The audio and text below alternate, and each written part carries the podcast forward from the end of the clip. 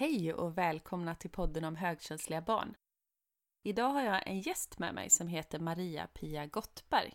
Hon är bland annat författare, poddare, kursledare, initiativtagare till känslodockan Friendy och mental tränare, bland mycket annat.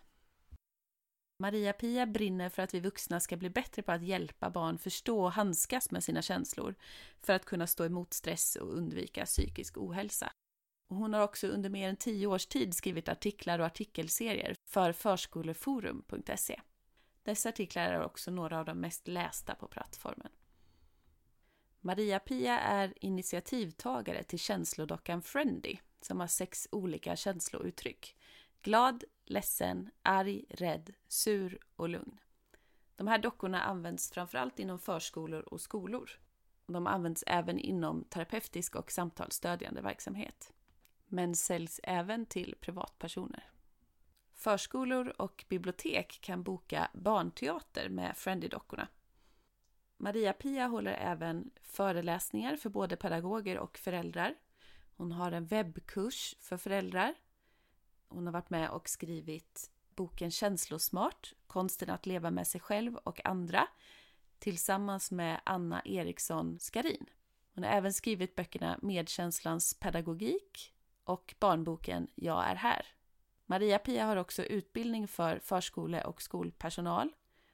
På hemsidan friendy.se F-R-I-E-N-D-Y kan du läsa mer om Maria-Pias arbete hennes föreläsningar, webbkurs, ljudböcker med avslappning för barn, barnteater med dockan Friendy. Du kan även beställa hennes böcker. Så gå in och kika där.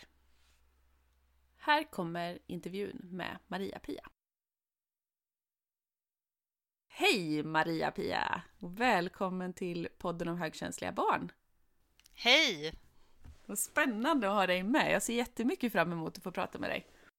Ja, men detsamma. Jätte, jätteroligt att ni hörde av er, tycker jag. Ja, men vad kul. Mm. Jag eh, stötte faktiskt för första gången på eh, den här Friendy-dockan som vi kommer komma in och prata om mer sen. Eh, när jag jobbade som förskollärare här i Halmstad kommun och eh, vi hade ett projekt som hette 10 goda vanor eh, som handlar om mycket om att hitta ett hållbart sätt att leva och inte minst för hjärnan. Att vi långsiktigt skulle faktiskt ta hand om våra hjärnor.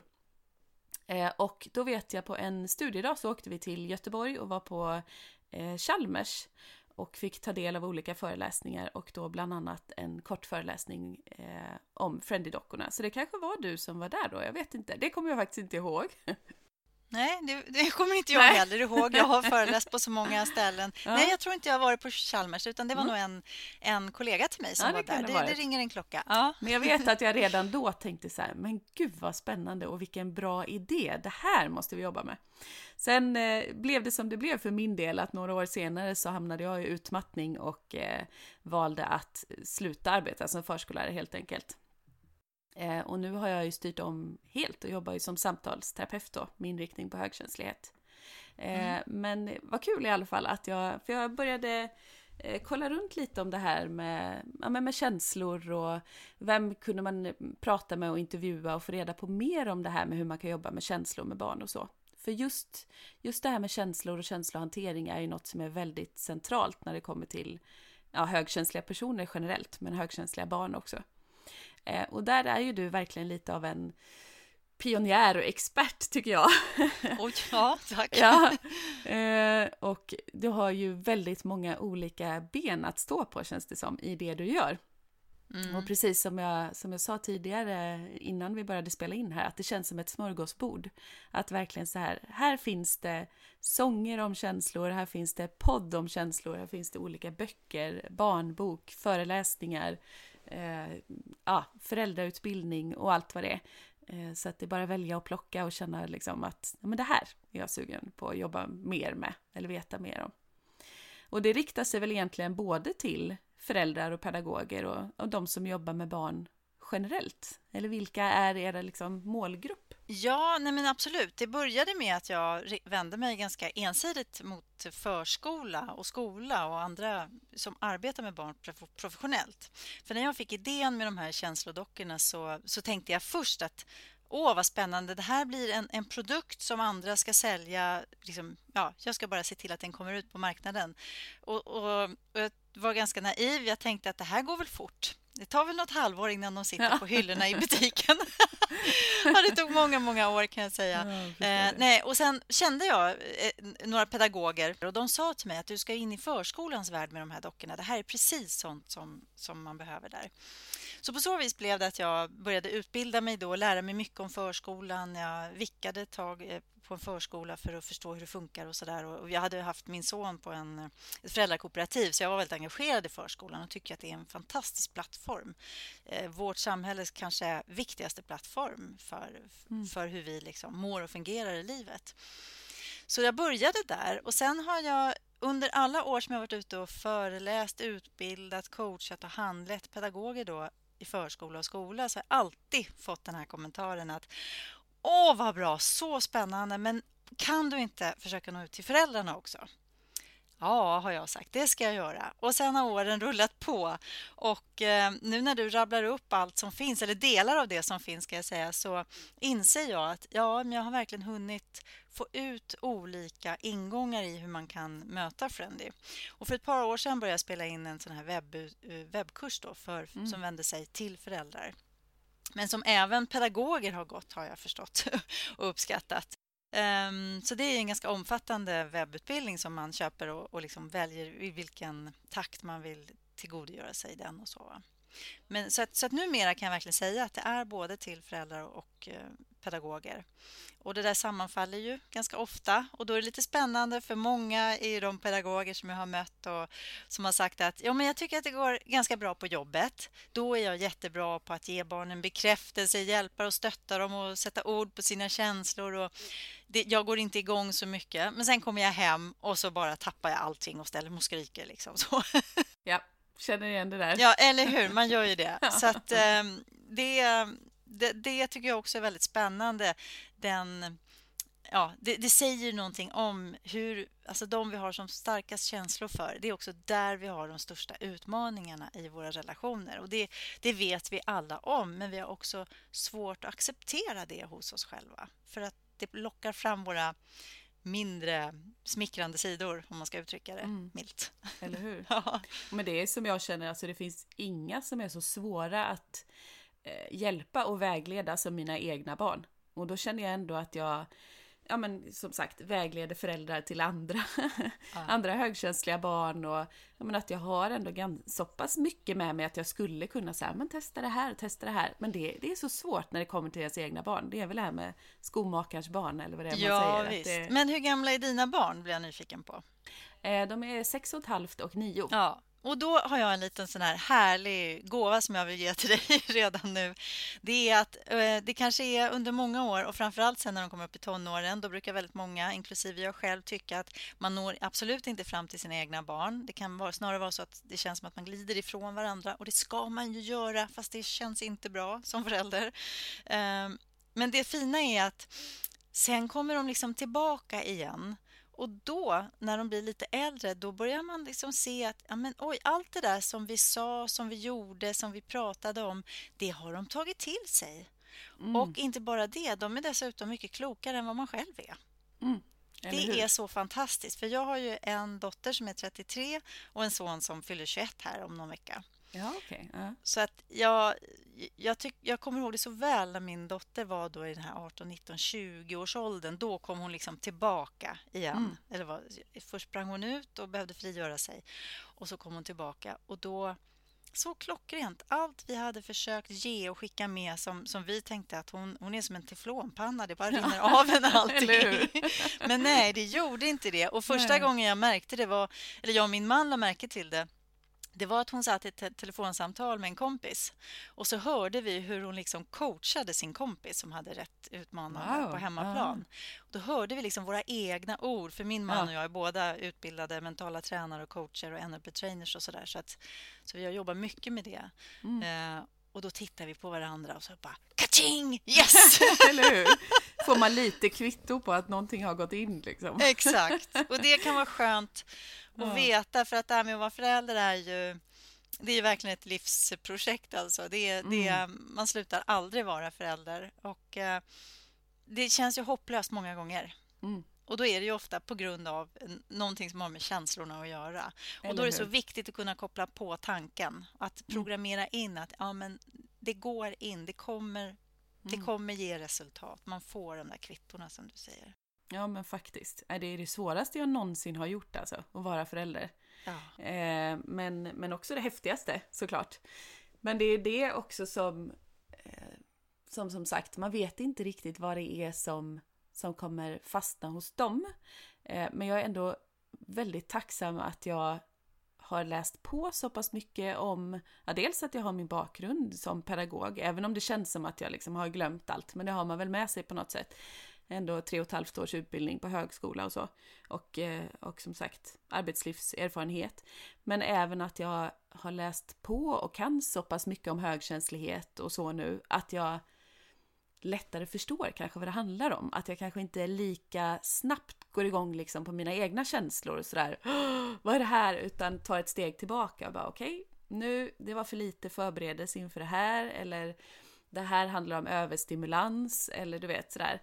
Eh, nu behöver jag liksom nu behöver jag vara lite den här detektiven igen med ficklampan som försöker förstå lite vad var det som hände. Just med överstimulering så handlar det ju många gånger om det att det är ju sällan den här sista utlösande händelsen som är anledningen till vad det nu är som kommer ut för känslor. Om det är liksom ja, men ilska eller tårar eller att de du vet, kastar saker eller börjar svära eller vad de nu gör. Utan ofta handlar det ju om liksom flera händelser tidigare under en och samma dag kanske som har byggts upp och gjort att shit, nu orkar jag inte härbärgera alla de här känslorna längre. Att nu orkar jag liksom inte hålla, hålla allt det här längre utan du bara kommer ut. Och det, det tycker jag är lättare ju mer man förstår om det. Att man släpper också det här ja men gud, det här var väl ingen sak att få ett utbrott för eller det var ju bara, ja ja, du förlorade den här gången i det här sällskapsspelet, men det var väl ingenting. Utan Just att det, det. blir mer som att lägga ett pussel, att ja men just det, det kanske har varit olika händelser tidigare under dagen och det kanske var brandövning tidigare på skolan som du har varit orolig för och det var högt ljud och vad händer nu och Mm. någon kompis såg ledsen ut och då funderade du över det och sådär. Så att eh, det är ändå häftigt, ju mer man förstår och lär sig, desto lättare blir det ju ändå att på något sätt navigera i rollen som förälder. Men det är fortfarande en liksom, ja, det är, Ja, men det är ett upptäcka. arbete som behöver göras, tänker jag. Det, det, Mm. är inte, det räcker inte att man läser den här boken eller går den här kursen eller utbildningen, eller vad man nu gör, utan det är en start, en, en ögonöppnare och en början till förståelse. Och sen är det ett jobb. Mm. Och, och det jobbet behöver man göra oavsett man lär sig de här sakerna eller inte som förälder. Alltså man har inget val. Och då Exakt. tänker jag, då är det bättre att ha ha på fötterna, att vara lite påläst och, och sen är det så vansinnigt roligt att läsa om de här sakerna också tycker jag. Visst och gå utbildningar och... Men jag tänkte på det när du sa det här med det här detektivarbetet och det kan vara någonting tidigare på dagen som har hänt. För det tyckte jag var sån fantastisk feedback från en av eh, testläsarna när vi... Jag, jag, för, ja, I april här så hade jag release på min första barnbok som heter Jag är här. Mm. Och I den figurerar då känslodockan Friendly som en, en fiktiv karaktär där tillsammans med Tuva som fyller år. Och hon går igenom en, en jobbig dag för att hon, hon, hon älskar superhjältar och hon eh, har önskat sig en superhjältedocka. Och när hon öppnar det här paketet som hon är helt övertygad om att det ska ligga en superhjältedocka i så är det bara en vanlig docka. Och hon blir ju så otroligt besviken. Men då visar det sig att den här dockan kanske inte är helt vanlig. För när ingen annan är i närheten så får den liv. Och liksom, den hjälper ju henne under en rätt tuff dag på förskolan att gå igenom en massa olika känslor och handskas med det. Det är konflikter och det är rädslor och ja, den här besvikelsen som går som en röd tråd genom, genom dagen.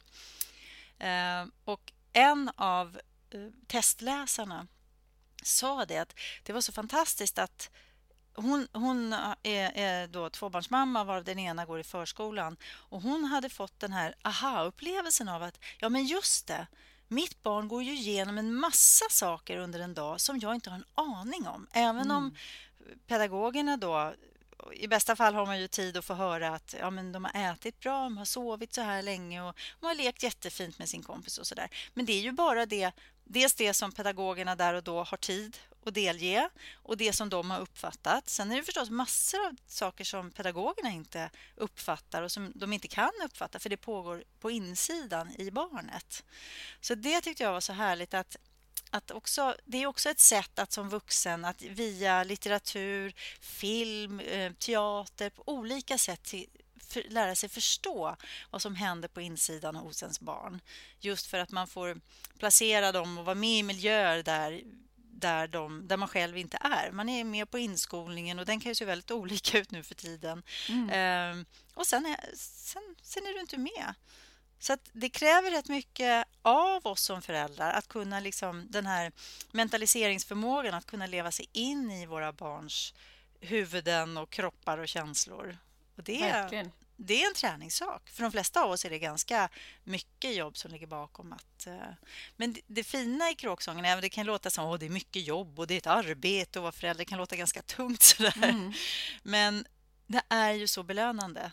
Verkligen. Därför det ger sådana resultat när man faktiskt kan kliva ur sina egna skor och ställa sig i barnets skor och försöka vara med där. Mm. Och att ja, jag förstår att du har det tufft nu, att du har det jobbigt och skicka ut den här signalen att det är okej. Okay. Jag står ut med att du har det jobbigt nu. Du behöver inte ja, ta ansvar för mina känslor. För det tänker jag är någonting som jag tror att många högkänsliga barn också gör. Att man tar ansvar för sina viktiga vuxna. Precis. Det upplevde jag när, när min pappa dog så var min son, han, var, han skulle fylla sju det året. Och eh, då jag, jag, för, jag, orkade liksom inte riktigt ta hand om det då men när jag kom lite, fick lite perspektiv på det så förstod jag ju att min son han var ju en av de absolut främsta stöttepelarna i min sorg. Mm. Vilket jag ibland har tänkt att fick han utrymme att ta hand om sin sorg eller var han stöd för mamma? För han, han kunde släppa allt. Han kände, han kunde vara i ett annat rum och känna att nu är mamma ledsen. Då kom han in och så bara ställde han sig och så la han armarna om mig. Mm. Och det var ju jättefint förstås. Eh, men det är ju ett tydligt bevis på att han är högkänslig skulle jag säga. Mm.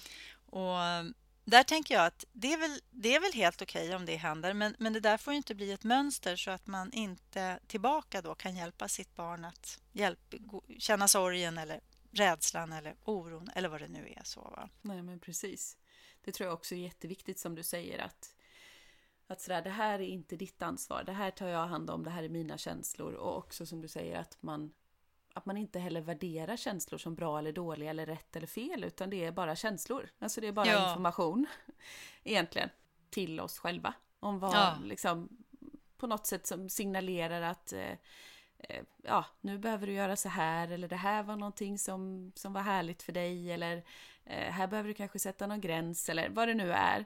Eh, men att, ja, att man som förälder bara visar barnen också att det är ingenting konstigt med känslor. Alltså det är det mest mm. naturliga som finns.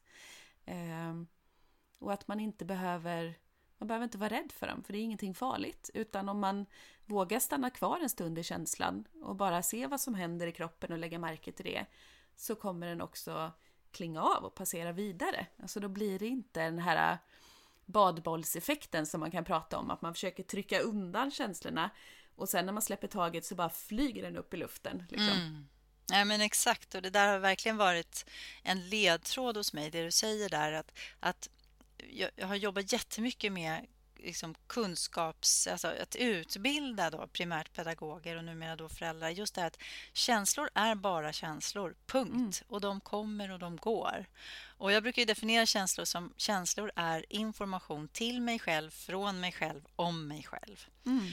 Och det är, när jag säger det så kan jag ju se liksom i publiken när jag föreläser att många får en Jaha, ja men just det, så ja. enkelt kan det faktiskt vara. Det. Och när vi som vuxna kan få den insikten och börja liksom se på oss själva och våra känslor på det viset, då blir det också betydligt lättare att stötta barn i det här. Mm. Och där när det gäller att stötta barnen, därför har jag då tagit fram känslodockan Friendly med, som har sex olika känslor. Det är glad, arg, rädd, ledsen, sur och lugn. Just för att konkretisera och ha någonting att utgå ifrån. Och när det gäller barn så är ju känslorna, är, alltså för oss vuxna och, och barn, så är så, känslorna bor ju i kroppen. Alltså vi, de är ju högst fysiskt påtagliga. Mm. Men som vuxen kan man ju ut, har utvecklat olika strategier för att slippa känna så mycket. Men barn har ju inte den förmågan, så att säga. För ibland är det väldigt skönt och praktiskt att slippa känna. Eh, men men barn kan ju inte det, utan de är ju i sina känslor. Men samtidigt kan det bli något väldigt, väldigt abstrakt om vi börjar prata om känslor på... Alltså då pratar vi ofta med huvudet och inte med kroppen. Mm. Så där kommer ju jag måste nu ta fram en av mina känslodockor och hålla i de här. Och väljer jag mm. ledsen här exempelvis. Så, så, så, du ser den här, för vi pratar ju med videosamtal här. Mm. Men eh, att, att kunna identifiera och få ett språk och sätta ord på sin känsla och veta att, jag, att det är just ledsen jag är, det är ju mm. en sak. Men sen också att kunna förmedla det till andra. Alltså sätta ord på det, att kanske förklara varför om man känner ett behov av det. Eller, det kan ju vara väldigt, väldigt svårt. Mm. Och kanske framför allt om det gäller känslor som rädsla eller ilska som är också i vår kultur känslor som inte riktigt eh, socialt... Eh, det är ingen hög status direkt att mm. gå runt och vara rädd. Utan det är någonting som, som ofta som vi vill bli av med. Man ska vara modig, man ska vara tuff och stark och allt det här. Men där kommer just dockorna in som en... Alltså att slippa prata om sig själv. Man kan prata om den här karaktären Friendly istället. Så och bra. det är ju... För många är det otroligt mycket skönare. Och det finns ju också ja, forskare och så som har bekräftat just det här att fiktiva karaktärer är så bra när man vill hjälpa barn att lära sig om känslor. Mm. För att de vet ju inte om... Det ska vara en rolig, en rolig karaktär som man kan re relatera till. Mm. Jag tänker på det här kakmonstret i Sesame Street som har lärt mm. så många barn impulskontroll och sådär. Att barnen vet ju inte om att det här kakmonstret är en pedagogisk eh, liksom, företeelse utan de bara älskar att han, att han har så svårt att stå emot kakorna. Mm. Eh, men indirekt så tar de ju till sig budskapet och lär sig att okay, det kan vara bra att liksom, inte vräka i sig tio kakor på en gång eller så. Och, och då menar jag kanske inte primärt liksom innehållet i kakorna. Det kan man tycka vad man vill om, men jag tänker mm. också det här med impulskontrollen som är Exakt. den pedagogiska tanken där. Då. Men är det framförallt inom, inom liksom förskolans och skolans värld som eh, man arbetar med de här dockorna? Eller i vilka är dockorna för? Eller är det även privatpersoner som köper och bara har hemma liksom, till sina egna barn? Eller? Ja, men fler och fler privatpersoner skulle jag säga, absolut. Och det är ju för att jag själv väldigt, väldigt nyligen så har jag öppnat ett Instagramkonto som heter Friendly Family. Mm. Där jag väldigt tydligt riktar mig mot föräldrar med mm. liksom nu det som har hänt under våren här när jag har gått i sen jag startade kontot är att jag har gått igenom känsla för känsla med tips och tankar och idéer hur man kan kommunicera med sina barn. Och Sen har jag ett annat eh, Instagramkonto som heter Friendly Doll. Och där har det varit mer... Det, där är jag inte så aktiv nu. Man hinner inte vara överallt, har jag Nej. märkt. Eh, men där, det har varit mer liksom, mot eh, pedagoger och så eftersom det är där jag har jobbat mest. Men mm. BVC, psykologer, terapeuter, en ett sånt här hos, eh, I Stockholm finns ju ett, jag tror att det är landets enda barnhospice. Mm. Eh, alltså, så det finns ju olika, inte bara förskola och skola. Nej. olika yrkesområden. Men allt fler blir mer och mer nyfikna som privatpersoner. Och från början så hade jag ju en större docka som var kanske så 45 centimeter. Mm. Men sen krympte jag dem till 25 centimeter just utifrån att många föräldrar sa att åh, jag skulle vilja ha de här dockorna hemma. Men sex stycken så här stora, det får inte plats bland alla Nej. andra gosedjur. Nej, exakt. Så att, eh, nu, nu får de plats i alla fall i de flesta hem skulle jag våga påstå. Ja, och de har ju, de har ju sålts både inom liksom Norden men även läst läste jag i Sydafrika och Kenya och Tyskland och Japan och... Ja, ja. jo, jag har faktiskt varit nere i Sydafrika och haft projekt på um, Project Playground som är den här organisationen ja. som prinsessa Sofia har varit med och startat. Mm. Uh, jag och min dotter var där nere och höll workshops för personalen där. Mm och, ja, och i Kenya har jag också varit och gjort ideella projekt. Så där har jag, finns det också. Och sen ja, i Japan, har haft besök från Japan flera gånger. Japanska skolverket var här redan för tio år sedan och, och träffade mm mig och var nyfikna just, just utifrån att det handlar om känsloreglering är så kopplat till stressen. Mm. Och hur, för det var de, I Japan har man ju väldiga problem med stress. Så mm. då hade de hört talas om mig och mitt arbete och då ville de lära sig hur, hur jag jobbade med, med stresshantering. Just mm. den ingången var de intresserade av. Okej. Okay. Eh, ja. För hur länge sedan var det som du tog initiativet till de här Friendly-dockorna? Jag fick idén 2003 och sen fanns de i sin fysiska form, första prototyperna 2004 och sen året därpå kan man väl säga började jag föreläsa och ja. Sen var det en lång resa att få, få dem, hitta en bra produktion och så, men de har funnits mm. i försäljning sedan 2005. Då hade jag produktion i Sverige eh, svensktillverkat tyg och, och, jag hade såna höga ambitioner men de var så extremt dyra då. Ja, och ingen, varken jag eller sömmerskorna tjänade några pengar på dem trots att de var jättedyra för kunderna. Så att nu har jag en fabrik i Indonesien som, som gör dem och då har ja. jag fått ner priset så att de, de är hanterbara. Mm. Mm. Var, var kom idén från från början? Alltså, hur kom det sig att du valde att ändå utveckla den här dockan Jo, men eh, det började egentligen med att jag sprang in i väggen och eh, vi, när jag väntade min son, mitt andra barn och drabbades av en utmattningsdepression. Mm. Och under den perioden när jag i nio månader låg på rygg eh, bakom en neddragen rullgardin och mådde fruktansvärt dåligt. Jag hade inga som helst redskap för att ta hand om stress och känslor på den tiden. Mm. Men då hittade jag mental träning som jag började nosa lite på inför förlossningen. Och sen efter, så fort min son sen var född, två veckor efter förlossningen så då, då slog det mig att men gud vad bra jag mår. Då kände jag mig starkare både fysiskt och eh, psykiskt än vad jag kanske gjort i hela mitt liv. Mm. Och Då blev jag jättenyfiken på hur mycket av det... Dels var det mycket hormoner och så förstås men sen var det också mycket det här med den här mentala träningen. Så efter föräldraledigheten så utbildade jag mig till mental tränare. Och Det var en mm. utbildning den tog flera år för mig att gå igenom för att jag var småbarnsmamma och tonårsmamma och skulle starta företag och allting samtidigt. Men det var bara bra. Men då ingick det att läsa en bok som heter Känslans intelligens som är skriven av Daniel Goleman som slog igenom. Alltså det är en av världens mest sålda böcker vad jag har förstått. Och när jag läste den så fattade jag att det är den här pusselbiten med känslorna, den emotionella kompetensen, det är den, den har jag inte fått med mig. Och jag kommer mm. ändå från en, jag har haft en väldigt bra uppväxt. Men jag är född 1965 och mina föräldrar födda på 30 40-talet. Så att det är klart, de hade inte med sig så mycket av det här. Det, det, det, är väldigt kulturellt och tidsbundet också vad vi har lärt oss. Vi, mm. Utveckling går ju framåt. Nu vet vi mycket, mycket mer om hur vår hjärna funkar och sådär. Va? Så att, då blev jag att nej, men det är det här det är det här som jag vill ägna mig åt. Och Sen dröjde det bara några veckor så fick jag liksom en inre vision av de här sex dockorna. Jag satt på pendeltåget, jag glömmer det aldrig. Och Då fattade jag direkt att det här, det här är något stort. Det här måste jag göra någonting åt. Men jag kunde inte förstå att det inte fanns. Men jag gjorde research och fanns inga dockor med känslo, olika känslouttryck på den tiden. Nej. Så där, jag var nog pionjär där. Jag rådnar nästan alltid lite när folk säger det men, men jag får nog erkänna att ja, det låter så stort. Liksom, men, men ja. jag var nog faktiskt det. Ja. Ja, det tycker jag verkligen att det låter som. Mm. Vad hade du för bakgrund sen tidigare? Alltså, hade du jobbat, har du jobbat liksom med barn tidigare? Eller för jag Inte tänker alls. den här ingången till förskolor och så? Nej, nej, nej jag, jag har alltid varit lite rädd för barn. Jaha, okay. ja. ja, men faktiskt att jag, ja, och jag skulle själv aldrig ha några barn. Och sen så, nej. ja, jo då, eh, nej, men jag skulle bli lärare eller eh, litteraturforskare. Och då tänkte jag nog inte jobba med, med de yngre barnen. Eh, så jag gillade språk och, och liksom litteratur, så det pluggade jag under väldigt många år. Men, och säkert på grund av då att jag är högkänslig så var det väldigt tufft för mig att genomföra studierna. Och sen, jag pluggade under tio års tid och älskade plugga. Det var det roligaste jag visste.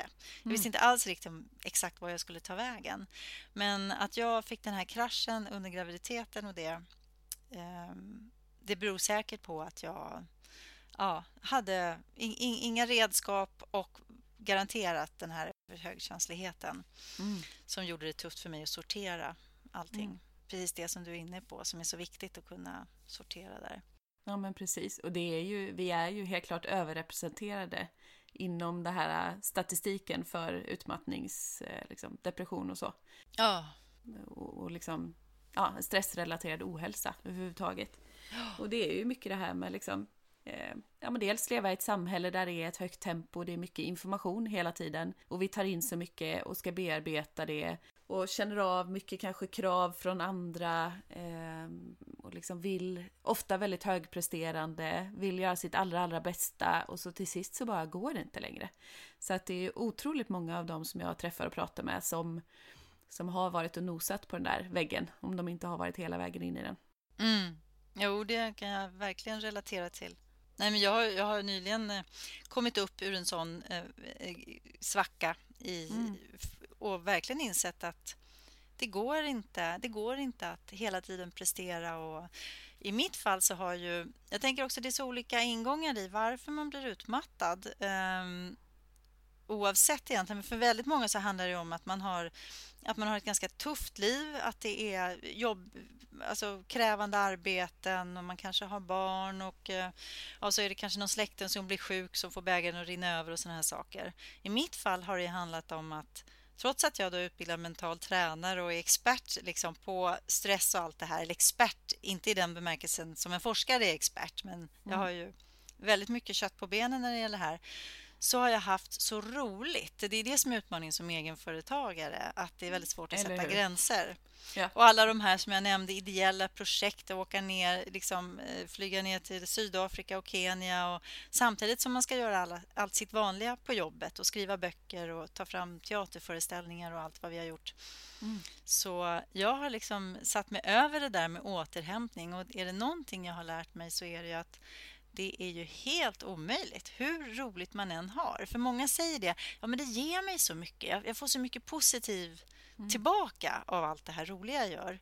Och då, hör jag, liksom, då börjar varningsklockan ringa hos mig. För det har jag mm. verkligen lärt mig att det spelar ingen roll. För, för kroppen, stress är stress. Exakt. Man kan alltså, dansa i... sig in i väggen. Ja men verkligen. Mm. Och uppe i huvudet eller hjärnan där sitter ju liksom ja, men viljan och intentioner och ja, kanske eventuella sanningar man har om jag är en sån här person eller andra säger att jag är en sån här person och så. Men i kroppen sitter ju den faktiska orken. Så mm. orkar inte kroppen så orkar inte kroppen. Och då finns det inte så mycket att välja på. Nej. Eh, jag och min syster hade för några veckor sedan hade vi ett eh, retreat i stresshantering för högkänsliga. Eh, för hon är stresspedagog. Vi, har båda, vi är båda två högkänsliga, har båda två varit utmattade. Och som sagt, hon jobbar som stresspedagog då och jag som eh, samtalsterapeut. Eh, och, och inför det retreatet hade jag haft alldeles för mycket att göra eh, och var väldigt mycket inne i det här drivsystemet eller det här utforskande systemet, att på gång hela tiden. Nästa sak, nästa sak, nästa sak.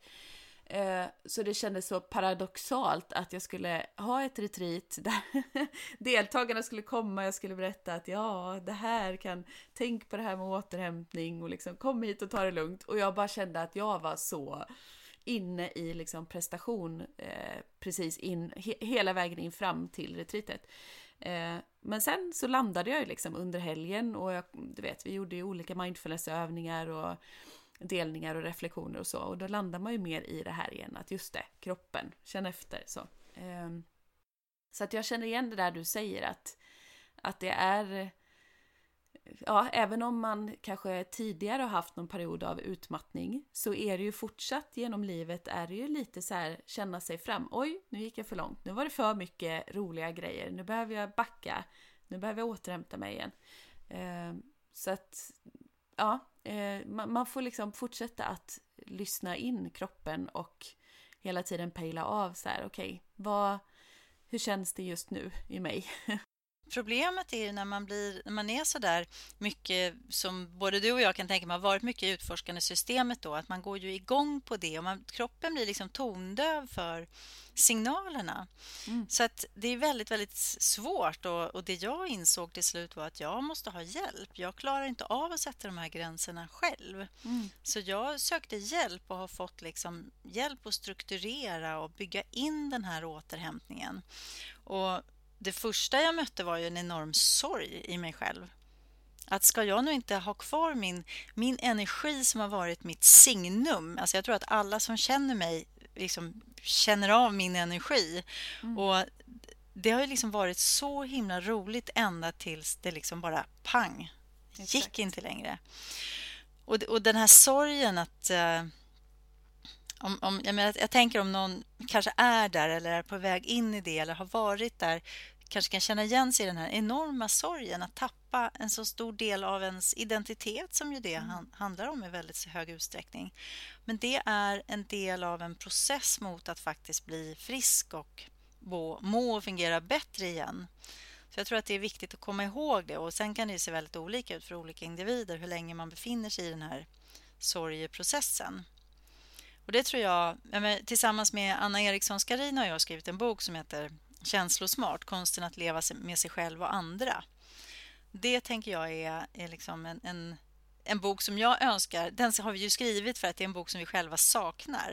Eh, där går vi igenom de olika känslorna och hur man kan liksom förhålla sig till dem. Både när man själv är drabbad av dem men också när man möter dem hos andra. Mm. För jag tänker också det här med utmattning är också någonting som drabbar om man lever i en familj. Alla blir berörda. Så att verkligen. Det är verkligen bra oavsett egentligen i, vilken, vilken roll man har till någon eller några som är utmattade eller högkänsliga så är det bra att ha på fötterna när det gäller känslor helt enkelt. Mm kunskap, redskap. Ja, men eller hur. Och du nämnde ju någonting där också innan vi började spela in att, eh, att ni funderade när ni skulle skriva den där boken. Att ni funderade lite kring det här med högkänslighet, om ni skulle ha med någonting om det och sådär. Kan du inte berätta lite hur, ni, hur tankarna gick där?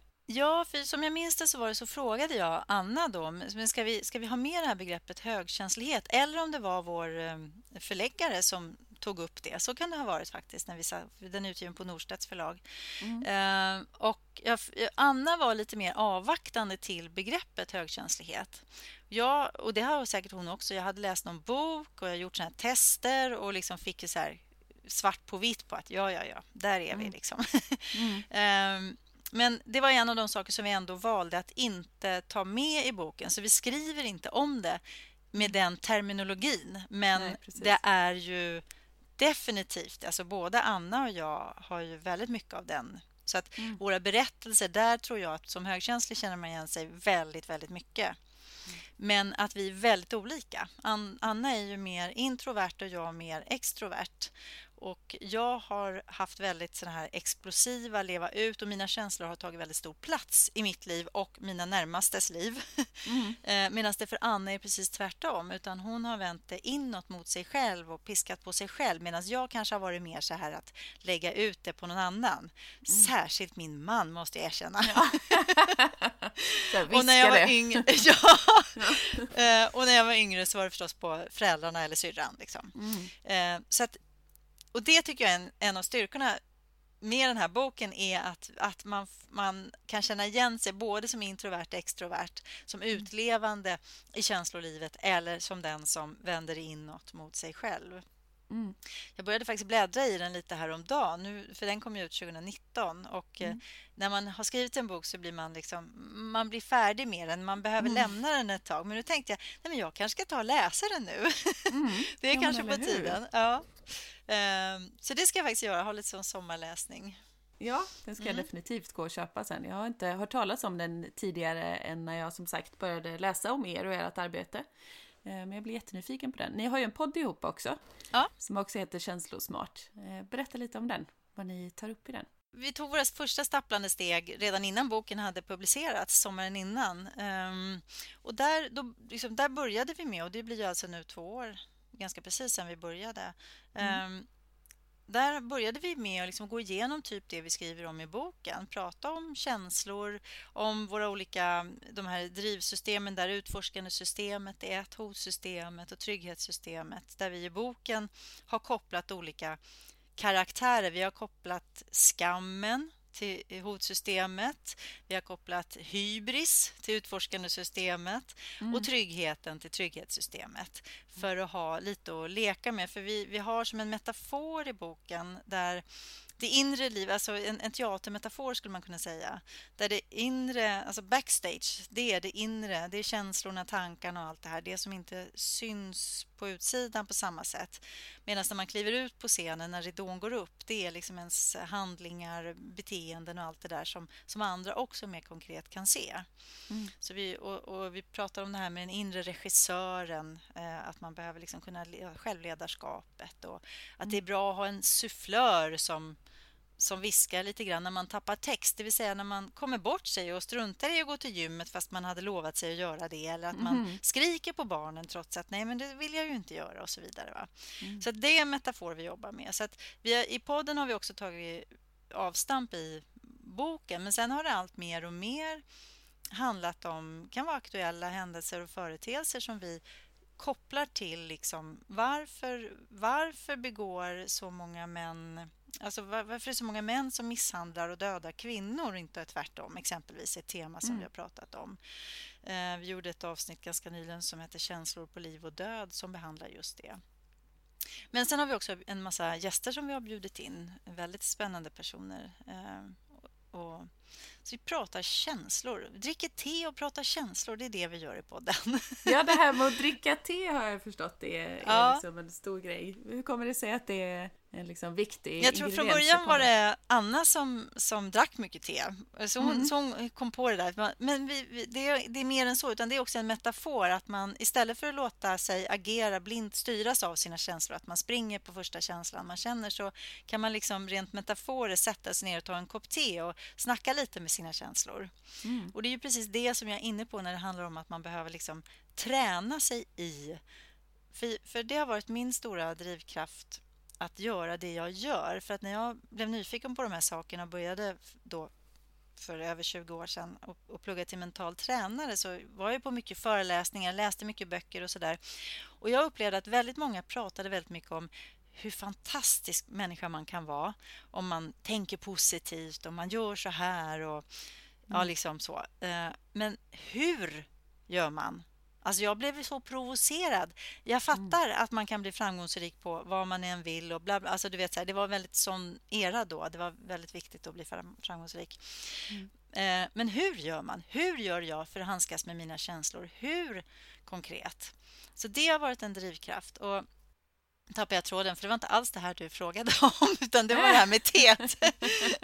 jo, men det är det här med att ha konkreta verktyg. Mm. Och metaforer är ju väldigt bra för, liksom, som hjälper vår hjärna att komma ihåg saker på ett bra sätt. Mm. Och Anna jobbar ju med storytelling, så det, det, är ju hennes starka sida. Och jag mm. då som har hela min bakgrund med att jobba väldigt konkret med känslor, med mycket övningar, så här, konkreta övningar man gör liksom upp på golvet-övningar som jag brukar kalla dem.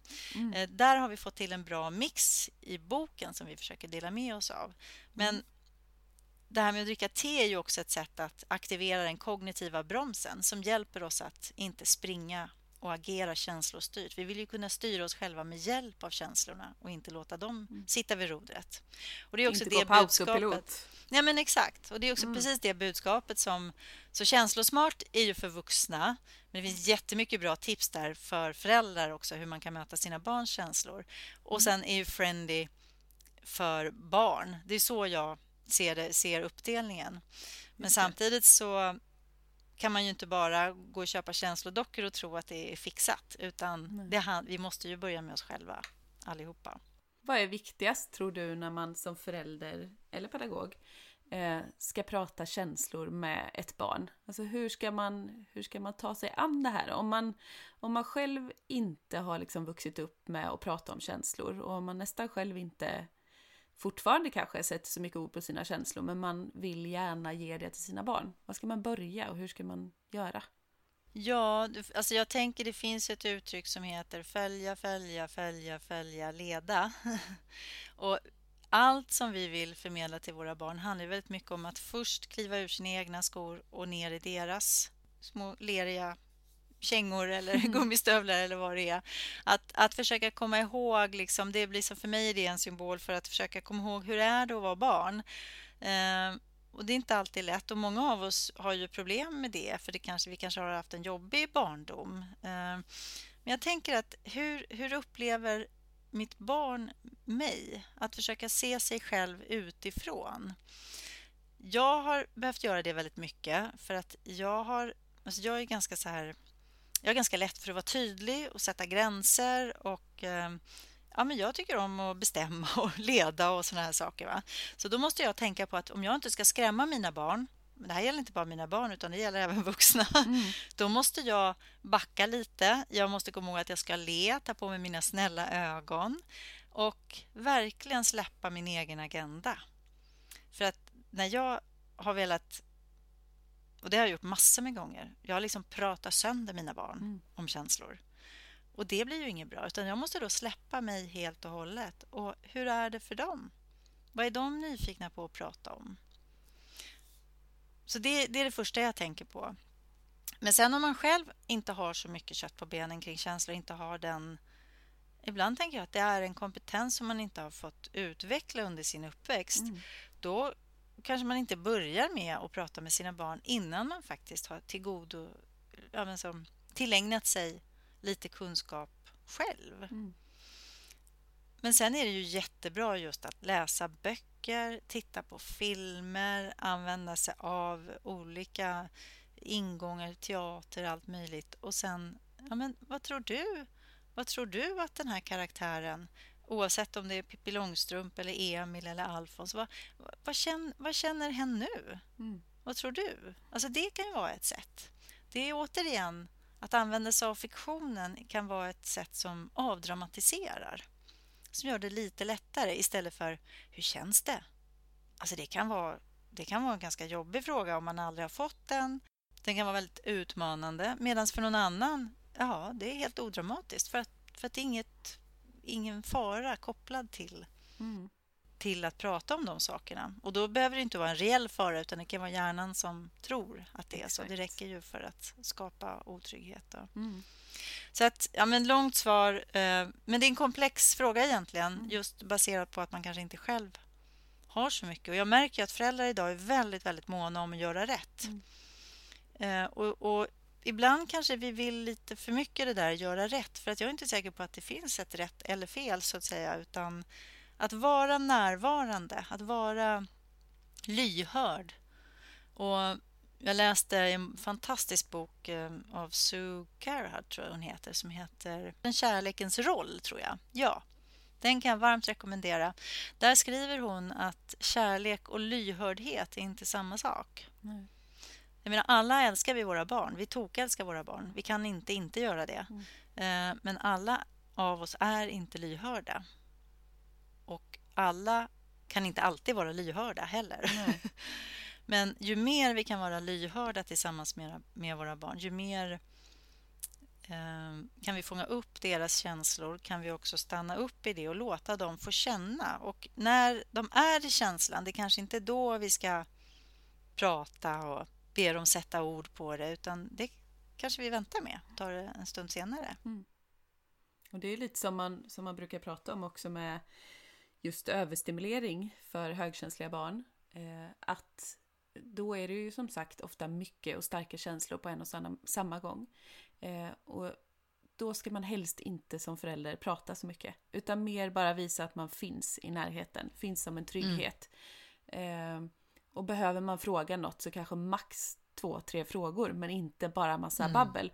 Och sen hellre när det har lugnat sig och när barnet liksom har landat lite igen, då kan man i så fall fråga vad var det som hände eller eh, vad kände du där eller liksom så. Men inte prata så mycket för det tror jag också och det, det kan jag känna igen mig själv i också att ibland går man verkligen in i det här bla bla bla bla bla, man ska förklara så otroligt mycket. Uh. Och man frågar och frågar och frågar och frågar och barnen blir totalt så här, uh, och så kommer det ingenting liksom, och kan inte ge något svar. Um, så man kanske hellre också faktiskt ska börja lyssna lite mer. Alltså ställa mm. någon fråga och sen faktiskt lyssna på svaret innan man kommer med en ny fråga som man bara skjuter ut. Ja. Eh, och sen kanske inte liksom inte förvänta sig några särskilda svar utan också ställa mer öppna frågor. Vad tänker du kring det här eller hur känns det för dig? Inte minst hur känns det, tror jag. Alltså verkligen ta ner fokus i kroppen, för vi är så vana vid att vara här uppe i den här huvudfotingen och snurra runt. Och det, det, alltså det svarar jag också nu för tiden om någon ställer en fråga, vill du hänga med på det här eller ja, så. Så säger jag ofta, jag ska känna, får jag känna på saken istället för får jag tänka på saken. För att det är inte uppe i huvudet som jag får liksom mina, inom citationstecken, sanna svar, utan jag vill veta vad jag på riktigt känner för det. Mm. Eh, och det vill jag också vara lite vägvisare för mina barn och visa att, ja men, låt känslorna få visa vägen lite för liksom det som känns lätt och bubbligt i dig, det är det som på något sätt visar dig att ja, den här vägen ska du gå. Medan det som känns tungt eller som ett motstånd eller att det är något som skaver, det betyder att det kanske inte är för dig. Liksom. Mm, där, där tror jag att du gör någonting jättebra. Just det här att ge konkreta exempel, det som känns lätt mm. och bubbligt. Att man, att man hjälper sina barn att beskriva känslan. Och där finns det ju då utmaningar om man själv inte är i kontakt med sina känslor. För mm. Särskilt då om man är stressad. Och då är det i sig en signal, för det tycker jag är en av de första tydliga signalerna som min kropp ger mig när jag stressar för mycket och, och, eller, eller återhämtar mig för mycket ska jag säga. För jag kanske inte upplever att jag är så stressad men att jag inte har fått återhämtning. Det är att jag blir bara i huvudet och ifrån halsen och axlarna och neråt så händer det inte så mycket. Nej här, ja, då känner jag inte så mycket. Så det, det, det är en jätteviktig signal. Eh, men annars just det här att hjälpa barnet att hitta orden som beskriver de här fysiska upplevelserna. Och att också när, när det handlar om eh, de här kanske mer utmanande, svåra, det som brukar kallas för negativa känslor, men det betyder inte att de är bra eller dåliga så. Men men eh, som rädsla eller oro, att man exempelvis hjälper till att göra skillnad på ja, men rädsla, det är ju någonting positivt. Det är bra att kunna bli rädd. Hur känns det i kroppen för dig? För mig så pirrar det till i magen och så sticker blodet ut i benen och så blir jag lite darrig sådär. Och, så. och det är ju för att jag ska få liksom energi och kunna springa åt sidan om det kommer en långtradare och håller på att köra över mig. Mm. Men däremot om jag ligger i sängen på kvällen och tänker på att vad hade hänt om jag inte hade hoppat åt sidan och jag får tillbaks ungefär samma känslor, då är det oro. Och då handlar det om att jag har tänkt fram den känslan i kroppen. Och där är det också viktigt att göra skillnad. Så det, det har jag också jobbat mycket med då, med pedagoger och föräldrar, att, att ge verktyg för eh, ord. Och det är egentligen ord och redskap för att kommunicera på det här viset. Så det är ju alla mina böcker. Jag har ju skrivit flera böcker för pedagoger och sen den här Känslosmart som är mer allmänt för alla. Men där det finns samtals liksom, modeller som man kan ta till sig. Bara en sån enkel grej som hur bekräftar man egentligen barns känslor utan att gå in och värdera och tycka någonting? Då har jag gjort en väldigt enkel modell som handlar om att jag berättar vad jag har sett och vad jag har hört. Okej, okay, jag, jag, såg att du blev röd om kinderna och jag hörde att du höjde rösten. Mm. Eh, sen kanske man ställer en fråga för att visa att jag försöker förstå. Vad, vad hände i dig nu? Är det någonting du vill berätta? Eller kanske till ett yngre barn då att jag tror att du blev jättearg nu. Stämmer det? Och sen sist i den här modellen så är det som ett hjärta där man visar att jag står ut med dig fast att du har det tufft nu och jag finns här. Vill du komma och sätta dig hos mig eller vill du hellre vara i fred en stund? Jag finns här. Vi, jag går inte ifrån dig. Och Det är ju så mycket mer... Alltså det som händer när vi får den här typen av bekräftelse och får vara i den känsla vi har utan att den värderas eller tycks någonting om så då aktiveras den här kognitiva bromsen som jag nämnde tidigare. Där är ju språket är en dörröppnare där. Liksom, eh, och, och då är det som att känslorna klingar av, de mildras helt enkelt. Till skillnad om jag säger att varför blev du så arg? Eller du har väl ingenting att vara arg för? Det var faktiskt du som började. Eller, eller jaha, man behöver inte ens säga något. Det kan ju vara ett mhm. Mm Exakt. Och sen den där arga blicken eller spända muskler som indikerar att okej, okay, nu blev mamma eller pappa jätteirriterad på mig igen. Det är inte okej okay att vara arg eller rädd eller ledsen och så. Så jag tror väldigt mycket på det här med att, att hjälpa, att, att ge eh, konkreta tips på hur man kan säga till sina barn. Jag tror väldigt många föräldrar är i stort behov av det. Det är min erfarenhet när jag är ute och pratar och föreläser och, och så. Mm. Och att det är så lätt att glömma. Vi, vi vet, alltså vi vet, de flesta av oss vet så väl idag eh, för att vi översköljs av så mycket information om föräldraskapets eh, utmaningar och glädjeämnen och allt det här. Men man behöver bli påmind. Mm.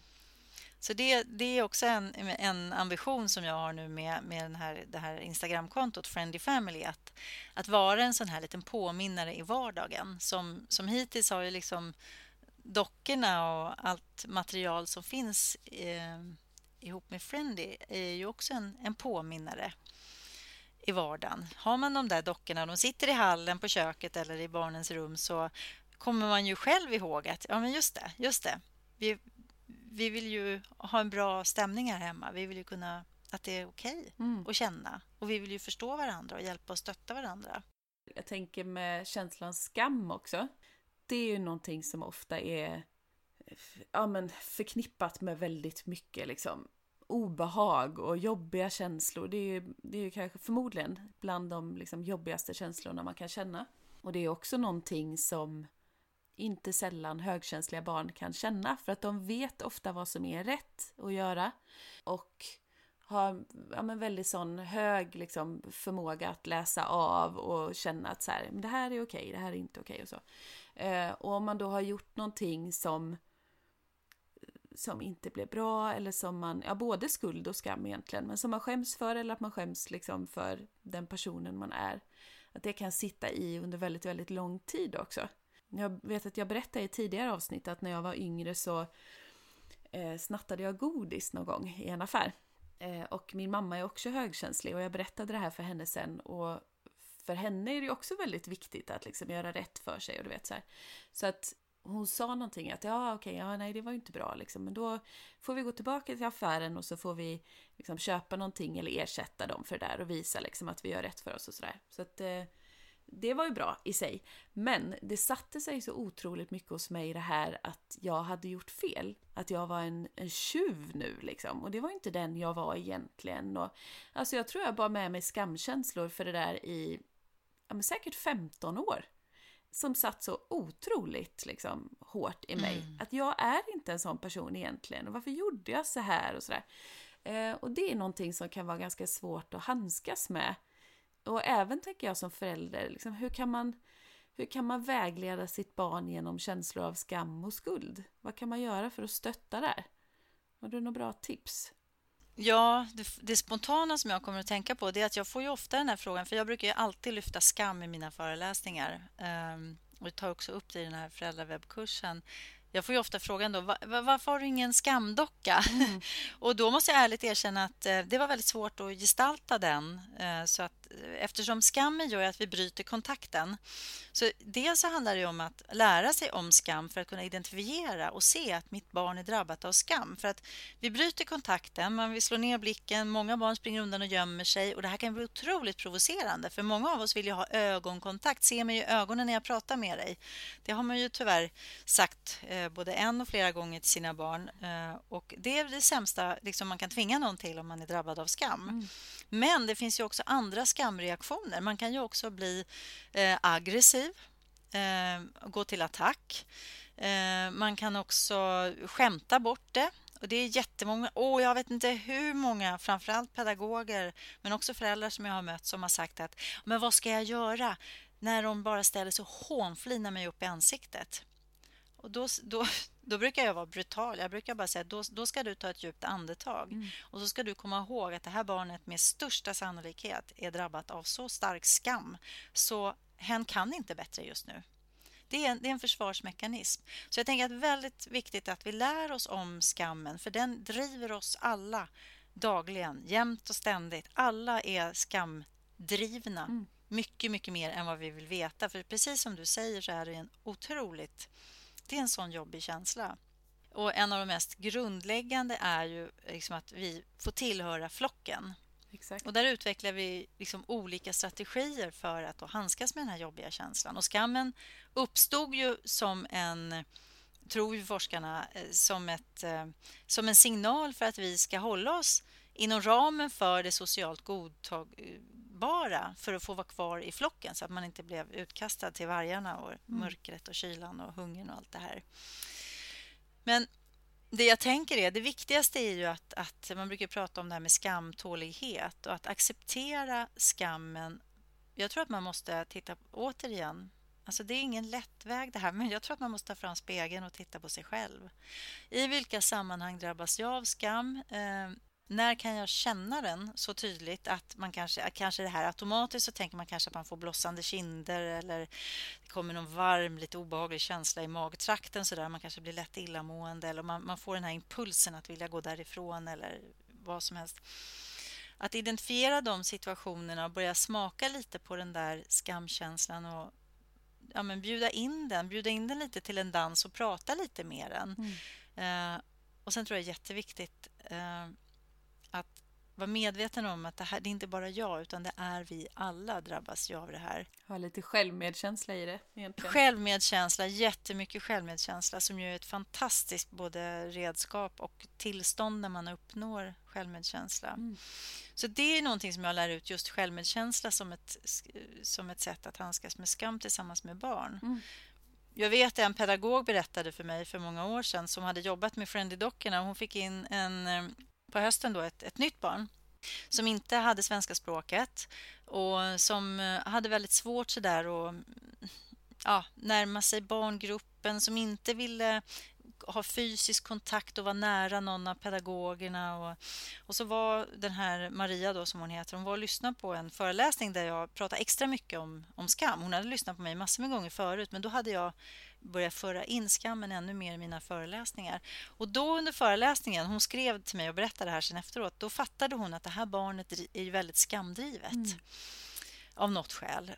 Så då hade hon gjort så. Då tog hon dockan lugn. Dagen efter gick hon fram till det här barnet och så bara berättade hon för pojken då som det var att ja, Friendy och jag, vi har sett att du går åt sidan ibland, att du inte är med i leken. Och Friendy och jag har också märkt att du tycker inte om att kramas på morgonen som många av de andra barnen vill göra. Och Vi ville bara berätta att vi har sett det och det är helt okej, okay, mm. sa hon så här med mjuk röst. Och, eh, och sen ledde det där till att det här barnet gick fram, eh, kramade dockan och efter det så skedde en förändring. Mm. Det behövdes inte mer än det. För det här gjorde att han förstod att Maria förstod honom, var med honom, mm. inte dömde honom, inte tyckte att han var konstig eller någonting.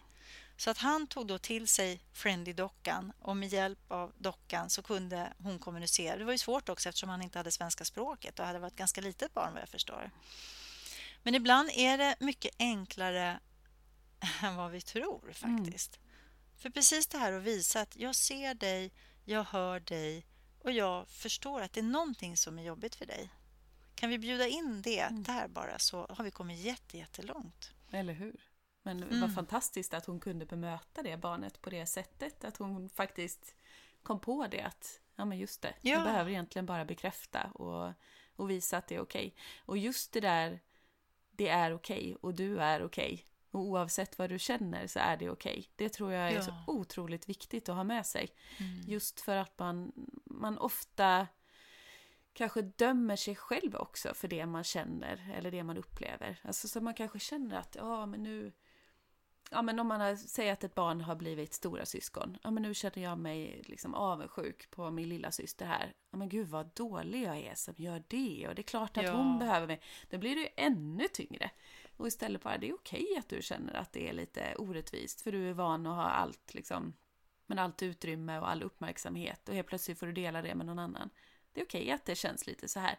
Och då blir det liksom en annan lättare känsla också att, ja okej, det är inte, det är inget fel. Det tror, jag, det tror jag är otroligt viktigt för många att få höra och inte minst de som är högkänsliga. Absolut, för det minns jag nu när du tar upp det så minns jag hur väl det var. minns det här så väl från ehm, tonårstiden. Det händer ju väldigt mycket i kroppen med hormoner och en, en explosionsartad utveckling. Alltså det blir liksom kaos mm. i hjärnan eh, och det händer massa saker i, i man vill liksom röra sig utåt och träffa, liksom vara med kompisar och allt det här och man vill frigöra sig och allting på en gång. Och jag upplevde att jag hade så mycket starka känslor men eftersom jag såg ju inte att någon annan hade det. Nej. Så att alla, alla, där an, alla andra verkade ju vara så otroligt coola och lugna och säkra på sig själva. Så jag trodde att det var något fel på mig. Jag tänkte att jag måste ju vara psykiskt sjuk, för det var ju ett begrepp. Så det hade man ju hört talas om. Dårar som bor på, psyk, på psyket, mm. liksom. Mm. um, för det var ju på den nivån man pratade om psykisk ohälsa på den tiden. Mm. Uh, så att det var, det var det var så frigörande när jag sen... Och då, då var jag ju mer än vuxen så att säga när jag kom i kontakt med mental träning och eh, den här känslans intelligens och började utbilda mig inom de här områdena. När jag förstod att, alltså att om jag hade fått verktyg där och då så hade jag sluppit så mycket skam, mm. så mycket självanklagelse, så mycket negativt inre prat med mig själv om att jag var konstig och annorlunda. Eller hur? Samma så att det är så extremt viktigt. Mm.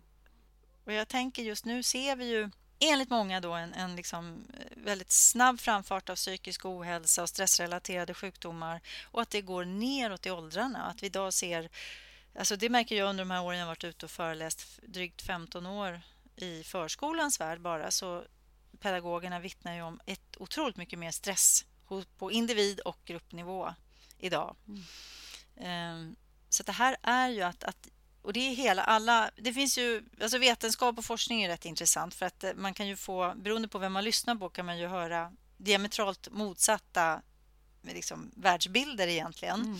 Det beror på vem som har betalat studierna, ja, så här brukar jag skämta med. Ja. ja men, och vetenskap, och det är ju fantastiskt, men man måste ta allting med en nypa salt, tänker jag.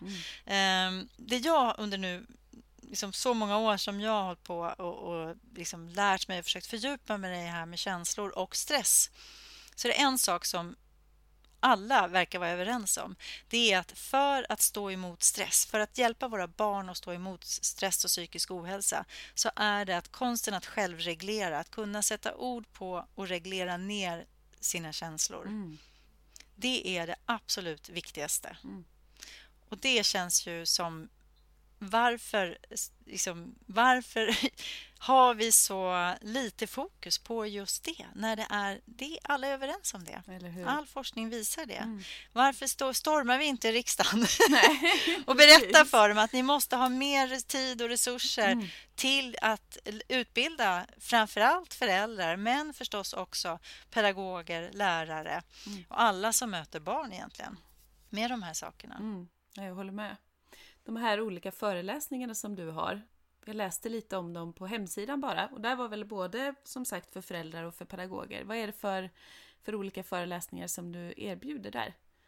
Eh, ja, nu under pandemin så har det ju, har ju knappt varit ute alls och föreläst men jag har ju haft, för pedagoger har ju varit att möta ilska, aggression och starka känslor. Den har jag hållit i kanske snart tio års tid. Mm. Min absolut mest sålda föreläsning. Mm.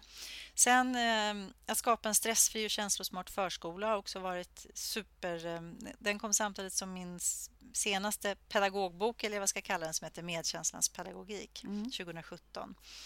Eh, och sen, är det, sen har jag digitala föreläsningar numera för eh, förskolor som handlar om att eh, komma igång och jobba med Friendly och medkänslans pedagogik. Mm. Och sen finns det en föräldraföreläsning som förskolor eh, brukar köpa in och visa, låta sina föräldrar eh, vårdnadshavare ta del av. Oh.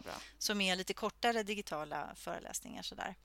Men sen, gör jag ju, sen har jag ju haft Zoom-föreläsningar och, och, utbildningar. Jag har en tvådagarsutbildning som heter Medkänslans pedagogik. Som det, är, ja, men det är många från förskolans värld, men det kan vara Ja, men vi har folk från kyrkan som har gått den, psykologer, terapeuter, föräldrar, alltså människor med lite olika ingång till varför man vill gå den. Mm. Så det är, det, är ett, det är ett ganska brett utbud. så. Men sen till föräldrar är ju också den här webbkursen då. Mm. Känslosmart för föräldrar heter den. Just det. Vad kan man läsa om man vill veta mer om allt det här nu då? Eller vill boka någon, eh, liksom, en plats på webbkursen eller så? Vad kan man gå in och läsa om allt det här då? Då går man in på friendly.se och då brukar jag så behöva få tillägga att vi är friendly, mm. men vi heter friendly. Ja, just det. ja, för att det är många som stavar fel och då kanske man inte kommer fram. Nej, nej Man kan också gå in på känslosmart.se så om man vill, är mest nyfiken på den, på den biten. Eh, och där på sidan så finns både föreläsningarna och webbshop eh, om man är intresserad av att kika på böcker och dockor och allt det där. Ja, men superbra. Och sen Friendly Family och Känslosmart på Instagram. Just det. Mm.